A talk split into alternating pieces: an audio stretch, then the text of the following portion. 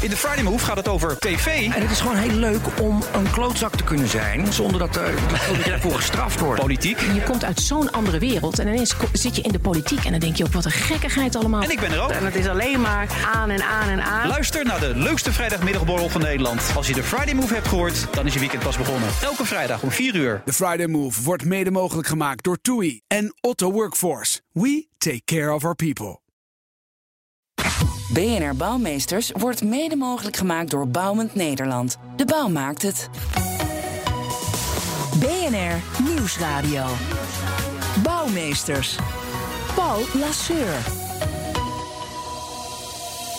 De bouw mag dan met vakantie gaan. Bouwmeesters gaat gewoon door. De hele zomer hoor je de beste babbels. Van een bijzonder bouwjaar met stikstof, PFAS en corona. In deze zomerspecial hoor je hoe grote bouwprojecten ondanks de coronacrisis gewoon doorgaan. Van het Amsterdamse Zuidasdok naar het nieuwe depot van Museum Boijmans in Rotterdam. 15 jaar werd er gebouwd aan de Noord-Zuidlijn. Het kostte 3 miljard euro, twee keer zoveel als begroot.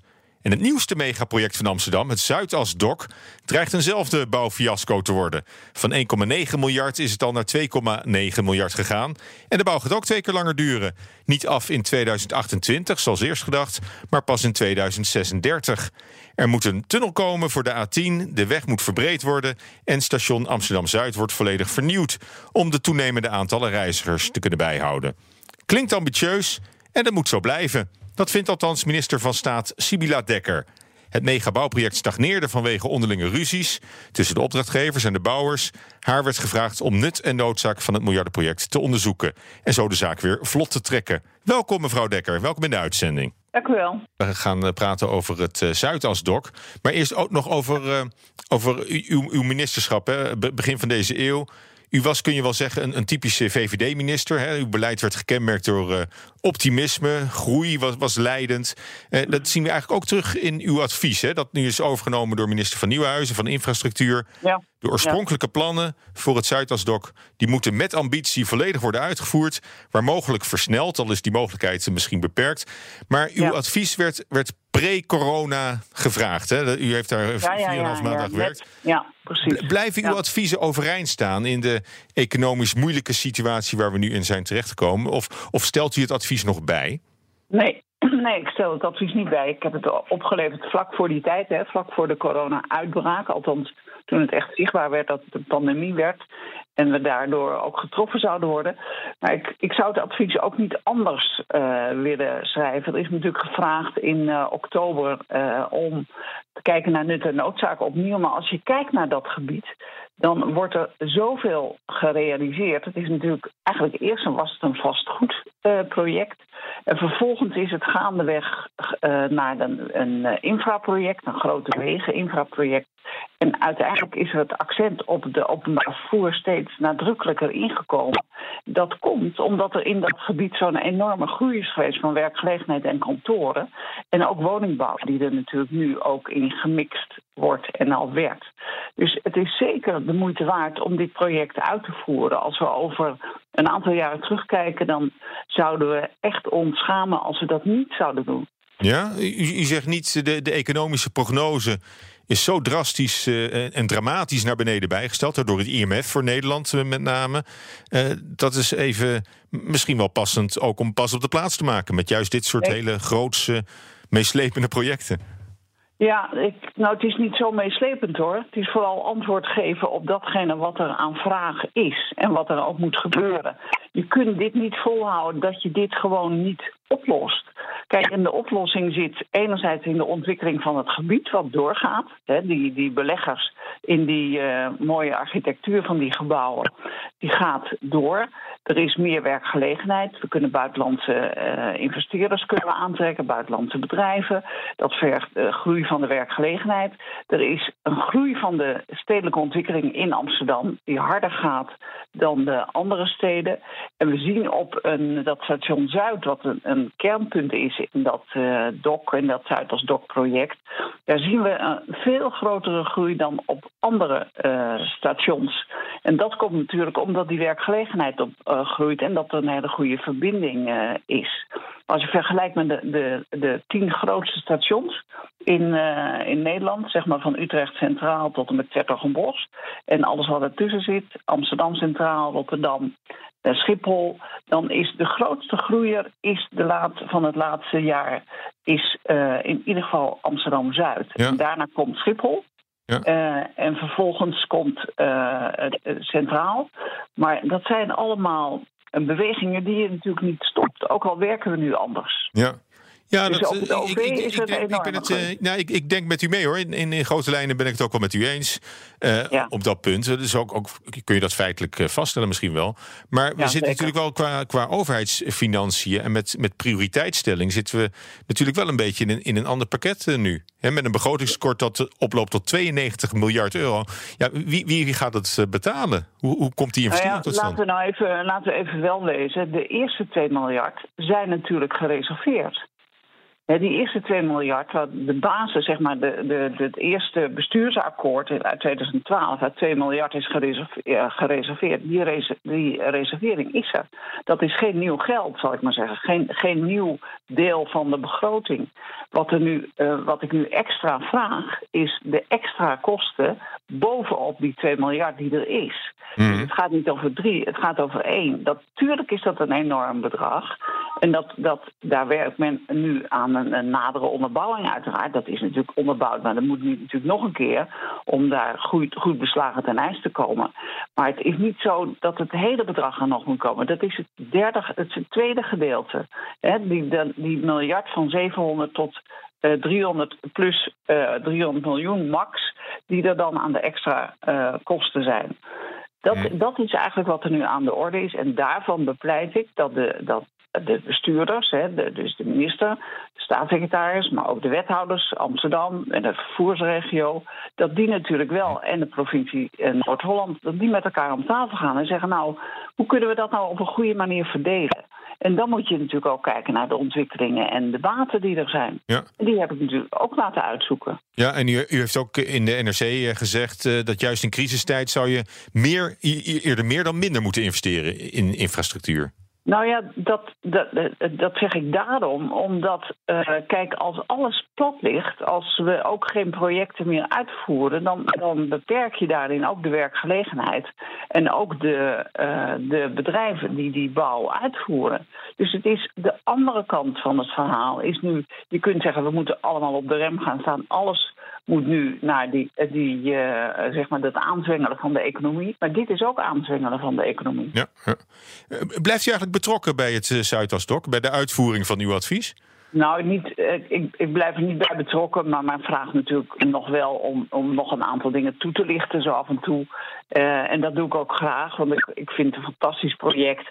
En wat ik wel vind, ik vind het ook een project dat wel heel kenmerkend is voor Nederland. Hè, voor, het is een van de eh, hotspots eh, en, en eh, poorts. Die we, we hebben een mooie brainport in Eindhoven.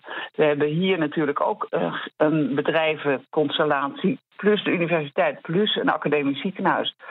Die natuurlijk wel, plus de bankensector, die natuurlijk wel heel erg de moeite waard zijn voor de economie van Nederland. Ja, en de bereikbaarheid en, die- de Schiphol en die bereikbaarheid. in, in de Ja, buurt. precies. Ja. Nou ja, dat, dat zie je bij Schiphol. Die verbinding van, eh, dat is ook een van de redenen om ruimte te maken voor die internationale treinen op het vijfde en zesde spoor. Dat betekent wel dat je daarmee ook die verbinding naar Schiphol vergemakkelijkt. En dat mensen die bij Schiphol eh, eh, landen ook door kunnen naar eh, Amsterdam-Zuid op een hele, ja, eigenlijk een hele eenvoudige manier. Ja. Nou had u ook kunnen adviseren misschien om er, eh, om er vanaf te zien. Ik weet niet of, of u nog zover de, de, het, eh, de klok had kunnen terugdraaien. Maar eh, even heel andersom geredeneerd. Hoe erg zou het zijn als we die A10 niet zouden ondertunnelen? Nou, dan blijf je, dan blijf je zitten met heel veel, eh, laat ik maar eenvoudig zeggen, gedoe en ruis op de weg. Kijk, als je nou naar die tunnels naar die wegen kijkt, dan, en je ziet het aantal, het, ook op de weg groeit het verkeer nog steeds. Dan zijn er een paar bewegingen. Hoeveel verkeer gaat er dan Amsterdam in? Uiteindelijk hè, gebruikt die A10 Zuid voor een soort eh, eh, rondweg. En hoeveel gaat buigt af en gaat naar het noorden of naar het midden van het land, hè, richting het zuiden. dan zien we dat er nog steeds 67% van het verkeer toch uiteindelijk Amsterdam ingaat. En dan zien we iets anders. Amsterdam is natuurlijk heel actief bezig om de auto uit de binnenstad te duwen. Dus als je niet oppast, krijg je daar ook nog een, uh, heel veel verkeers congestie. Dat moeten we natuurlijk niet hebben. Dus die tunnels zijn ook bedoeld om een goede doorstroom te verkrijgen. Om die goede afbuiging te verkrijgen en het stiller te maken uiteindelijk. Uh, en natuurlijk ook, uh, laten we ook niet vergeten dat we de uitstoot daarmee natuurlijk verminderen. En dat in die tunnel veel beter kunnen opvangen. Ik wil u eh, hartelijk danken voor dit gesprek. Sibila Dekker, minister van Staat. Ze schreef het adviesrapport over het Zuidasdok. BNR Nieuwsradio. Bouwmeesters. Paul Lasseur. Zometeen praten we verder over het Zuidasdok met Sibila Dekker. Maar eerst... BNR Bouwexpo. Redacteur Judith Lane met de Bouwexpo.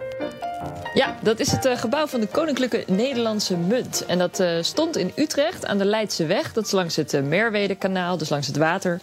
Kon je mooi langs fietsen. En uh, nou ja, dat is dus verplaatst naar uh, een uh, bedrijventerrein in Houten. Maar misschien wel leuk om te weten dat in Nederland dus al sinds 1567 muntjes worden geslagen. Dat wist je niet, hè? Ja, nou, je, je hebt wel de munt, hè? Dat is een mooie torentje midden in Amsterdam. Dat, daar gaan de rondvaartboten volgens mij ook altijd, altijd langs. Dat heet ook de munt, dus ik neem aan dat misschien daar ook wel muntjes werden, werden geslagen. Maar, maar nu het nieuwe gebouw, dat ziet er heel wat minder traditioneel uit, begrijp ik. Ja, Paul, aan de ene kant is het dus bij kans spectaculair. Uh, maar aan de andere kant is het toch ook weer oer saai. Want eigenlijk is het dus net een distributiecentrum. Het is gewoon een ordinaire blokkendoos van beton zonder ramen. Uh, ik zei het ook al even, het staat op een bedrijventerrein aan de A27 uh, in Houten. Uh, maar het is wel goudkleurig van de buitenkant. Het is een, maar wel. een soort Dagobert Duck uh, pakhuis uh, geworden. Ja, ja, zoiets. ja. Gouden doos. Precies. En het AD schreef al... het zal je van verre tegemoet schitteren in de lentezon. En op de plaatjes kan ik me daar wel ook iets bij voorstellen. en aan de buitenkant van, dat, van die doos zit een soort zigzagpatroon. Dat is eigenlijk een heel cool geometrisch design... En dan denk je, oké, oké, doos, goh, lijkt een beetje op een uh, distributiecentrum, moi. Maar dan, want die ingang, die is echt zo cool. Toen ik het zag, dacht ik, wow, wat hebben ze hier gedaan? En ik kan het eigenlijk het beste omschrijven als dat het een soort omgekeerd opengeslagen stukje bladgoud is. Hè? Dus je hebt zo'n blaadje, zo'n bladgoud. En dat hebben ze gevouwen. En dat staat in een puntje rechtop als een soort kaartenhuis. En dat hebben ze dan opengeslagen. Dus met die punt van die vouw omhoog. En dan hebben ze dus in dat driehoekje hebben ze glas gemaakt. En daar vouwt eigenlijk die deur zich als het ware uit. Oké, okay, en, en, en dan begrijp ik, want dat, dat lees ik dan. De, de architect die heeft inspiratie gehaald uit de 2-euro-munt. Ja, want uh, nog even over die vlakken, uh, die geometrische vlakken aan de, de zijkant van het gebouw. Uh, die, die kunnen je bekend voorkomen, want op die 2-euro-munt staat onze koning dus ook in vlakjes. En dat moet het verkavelde landschap van Nederland voorstellen. En dat zie je dus ook aan de zijkant terug op het gebouw. dat vertelde de directeur aan het AD. Oké, okay, en het is, uh, ik neem aan dat het ook een, een, een veilig gebouw moet zijn, omdat er al die, al die, al die muntjes, hè, er moet ook niemand mee aan de haal kunnen. Maar het is ook, een, het ja. is ook meteen een stuk groter geworden, hè, het pand. Ja, want dat oude pand dat, uh, dat was gewoon echt veel te klein. Dat was uh, 6000 vierkante meter. En dan hadden ze ongeveer 2500 vierkante meter productieruimte.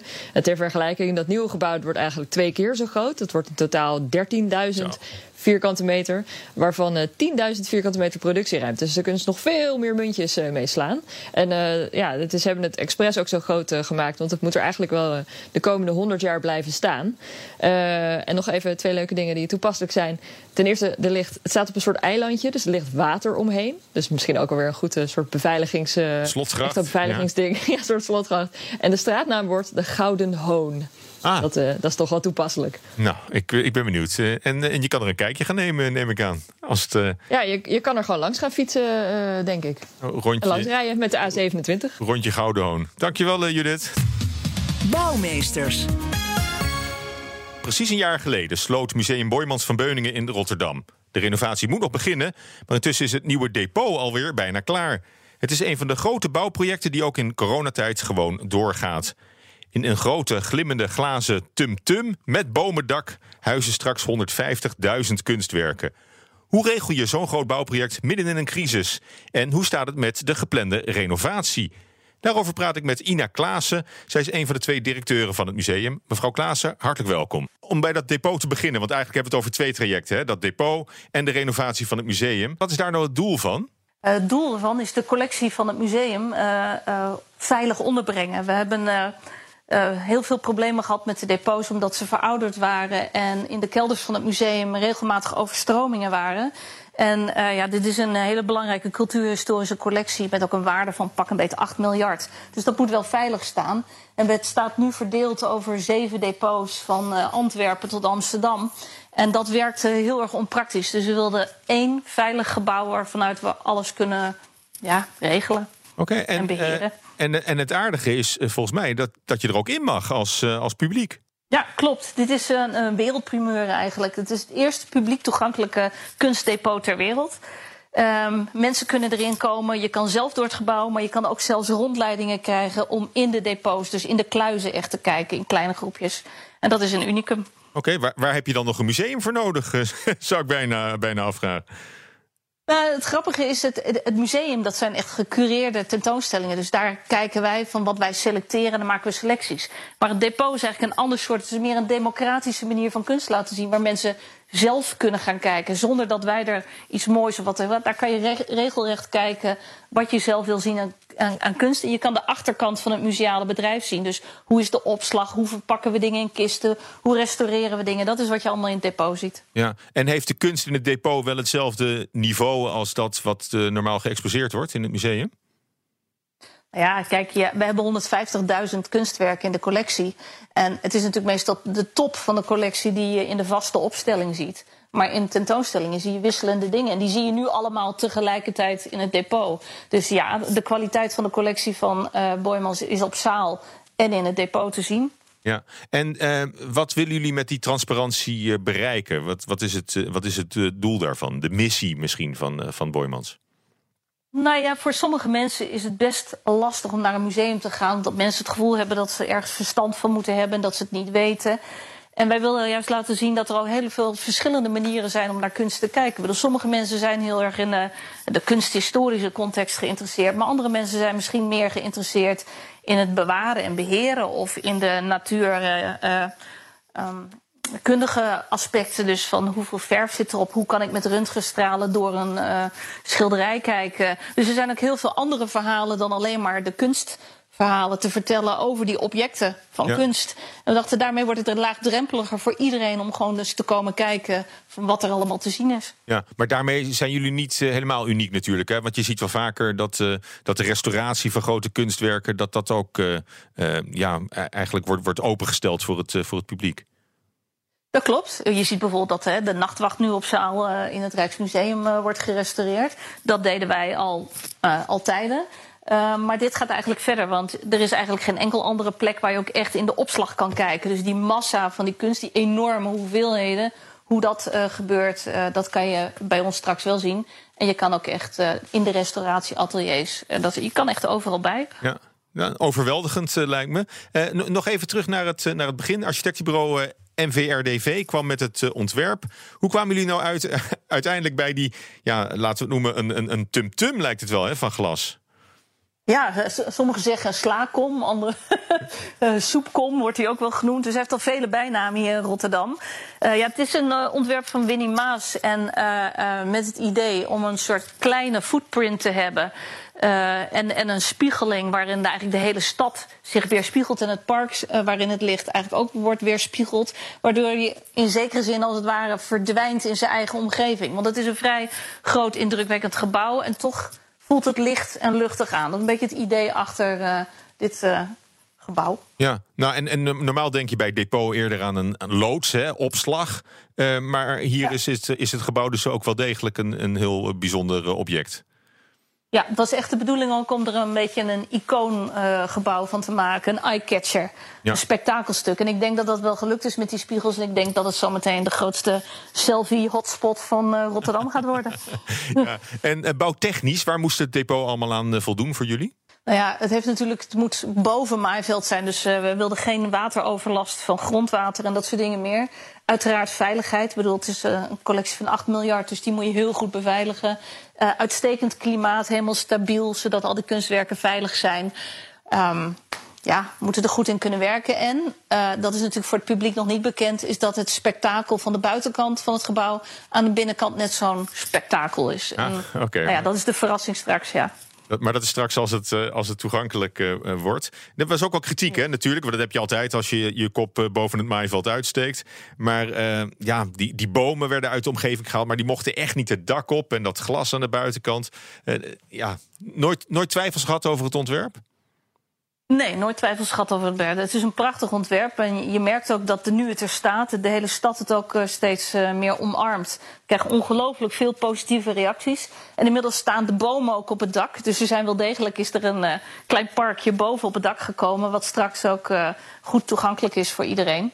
En um, ik, ik, denk dat uh, mensen zich ook hebben uh, moeten laten overtuigen in de praktijk. En dat dat nu uh, op grote schaal gebeurt. Ja. Nou is intussen de coronacrisis uitgebroken. Dan vraag je je toch af hoe je zo'n miljoenen bouwproject dan, dan eigenlijk managt. Hè? Het, het, gaat om, om 60 miljoen, meen ik. Um, ja. hoe, hoe gaat dat? Is, is dat nog, heeft dat impact op, op hoe jullie daarmee mee verder gaan? Nou, het, heeft wel heel erg impact gehad, omdat we eh, voordat corona uitbrak veel makkelijker even de bouw op konden en ook ons ter plekke gewoon konden oriënteren op alle inbouwprojecten die wij later zelf dan moeten doen. En nu is de aannemer was tot nu bezig om gewoon het, het casco, het gebouw te maken, maar daarna moet er nog heel veel ingebouwd en ingericht worden. En dat hebben we eigenlijk niet meer kunnen doen, omdat er niet meer zoveel mensen op de bouw werden toegelaten. Ja. Nou, dat was ingewikkeld in onze voorbereidingen. Maar het andere is ook dat er gewoon uh, schepen in China lagen met partijen van die glasspiegels. die gewoon niet uit de haven konden vertrekken. Dus je ziet nu nog een paar spiegels die er niet op zitten. Want die zijn nog onderweg van China naar Nederland. Ja, ja. Of. Um, ja. Uh, partijen of uh, ploegen van technici die bijvoorbeeld Tsjechen. die naar huis wilden en ja, met Pasen, naar, naar de bouw wilden. Met Pasen gingen ja. alle, alle, alle bouwers, bouwers naar huis. En die mochten er vervolgens niet, niet terugreizen. Ja. Precies, ja. En uh, was daar een beetje rekening mee gehouden uh, met dit soort tegenvallers? Of, of liggen jullie nog gewoon op schema? Nou, we liggen nog op schema. Uh, wij, het gebouw is in ieder geval in bouwkundige zin opgeleverd nu. er worden nog wat restpunten afgewerkt. En het wordt aan het museum zelf opgeleverd op 1 september, als het goed is. En daar liggen we nog op koers. Oké, dus dat, uh, daar wordt wel snel geschakeld ook om dat uh, mogelijk te maken. 150.000 kunstwerken hadden we het al over. Hè? Die uh, liggen nu verspreid over zeven verschillende depots in, in, binnen- en buitenland. Dat was een goede ja. reden om, om, om ook een keer één depot te bouwen nu. zijn er bouwideeën uit de andere depots die jullie konden meenemen naar, deze, naar dit project? Nou, eigenlijk, eigenlijk relatief weinig. Omdat um, er eigenlijk geen natuurlijk programma van eisen ergens bestaan die uh, gaan over publieke depots. Dus uh, hoe je publiekstromen door depots leidt, dat is iets wat we zelf hebben moeten uitvinden. En wat natuurlijk wel zo is van klimaatsystemen, uh, veiligheidsnormen, dat soort dingen. Dat is natuurlijk wel iets wat je in andere depots ook tegenkomt. Maar met name de publieke kant ervan hebben we helemaal zelf moeten ontwikkelen. Ja. En, uh, en als het dan straks open gaat, dan moet al die kunst weer uit al die depots uh, vervoerd worden naar, uh, naar Rotterdam toe. dat gaat ja. alleen al een half jaar duren om die 150.000 kunstwerken per peperduur kunsttransport naar, naar het Boymans te krijgen, naar het depot. Ja. Ehm, hoe gaat dat allemaal goed komen? Wat komt te kijken bij dat transport? Nou, het, het is, het is een echt een militaire operatie, zou ik bijna zeggen. Die we al twee jaar lang in voorbereiding hebben. Je moet je realiseren dat die 150.000 kunstwerken in die depots depots allemaal in stellingkasten en in rekken hangen. En allemaal exacte plaatsbepaling hebben. En die moeten van een uh, uh, depot elders weer naar dat ene depot. Dus het, wordt weer, het, wordt een hele andere opstelling. Dus je moet precies kunnen volgen waar het ene werk vertrekt en waar het weer aankomt. 150.000 betekent eigenlijk dat we vanaf 1 december een half jaar lang elke dag um, twee grote transporten hebben. En die moet ook acuut worden verwerkt. En dat we inderdaad in een half jaar tijd zo uh, de boel erin rijden. En uh, het is natuurlijk zo dat je met grote waarden werkt. Dus je moet je transporten ook uh, beveiligen. En je moet um, ook zorgen dat er, dat er niks onderweg kwijtraakt. Of dat iemand iets meeneemt. Dus het is, um, ja, het, het, is een spannende operatie. Ja. Heel intensief. En uh, eind, eind, september uh, is dan de opening? In september 2021 is de opening, inderdaad. Ja, nou laat, laten we hopen dat het, uh, dat het lukt hoor. Laat daar ook geen misverstand ja. over, over bestaan. in 2026 gaat het museum weer open. Wat is het eerste kunstwerk waar u naar gaat kijken als het weer op zaal hangt? Oeh. een van mijn favoriete werken van het museum is een werk van Bas-Jan Ader. En dat heet I'm uh, Too Sad to Tell You. En het is een klein fotootje van een huilende kunstenaar. En het is een heel indrukwekkend uh, werk. En ik zou dat graag weer op zaal willen zien. Nou, ga ik daar ook eens naar kijken, want ik, uh, ik ken het niet. Hart, hartelijk dank voor dit gesprek. Ina Klaassen, directeur van Museum Boymans van Beuningen in Rotterdam. De bouwvak van bouwmeesters is weer voorbij. Volgende week zijn we terug met een heel nieuw seizoen. Wil je de zomerspecials terugluisteren? Dat kan altijd als podcast. Via de BNR-app, website en andere podcastkanalen. Tot volgende week. BNR Bouwmeesters wordt mede mogelijk gemaakt door Bouwend Nederland. De bouw maakt het. Je hebt aardig wat vermogen opgebouwd. En daar zit je dan, met je ton op de bank. Wel een beetje saai, hè? Wil jij, als belegger, onderdeel zijn van het verleden of van de toekomst? Bridgefund is een slimme fintech die een brug slaat tussen de financiële behoeften van ondernemers en van beleggers. Dus wie belegt bij Bridgefund krijgt niet alleen een mooie vaste rente, maar brengt ook ondernemers in beweging. Echt waar. Met die ton kan je zoveel betere dingen doen. Bridgefund. Make money smile.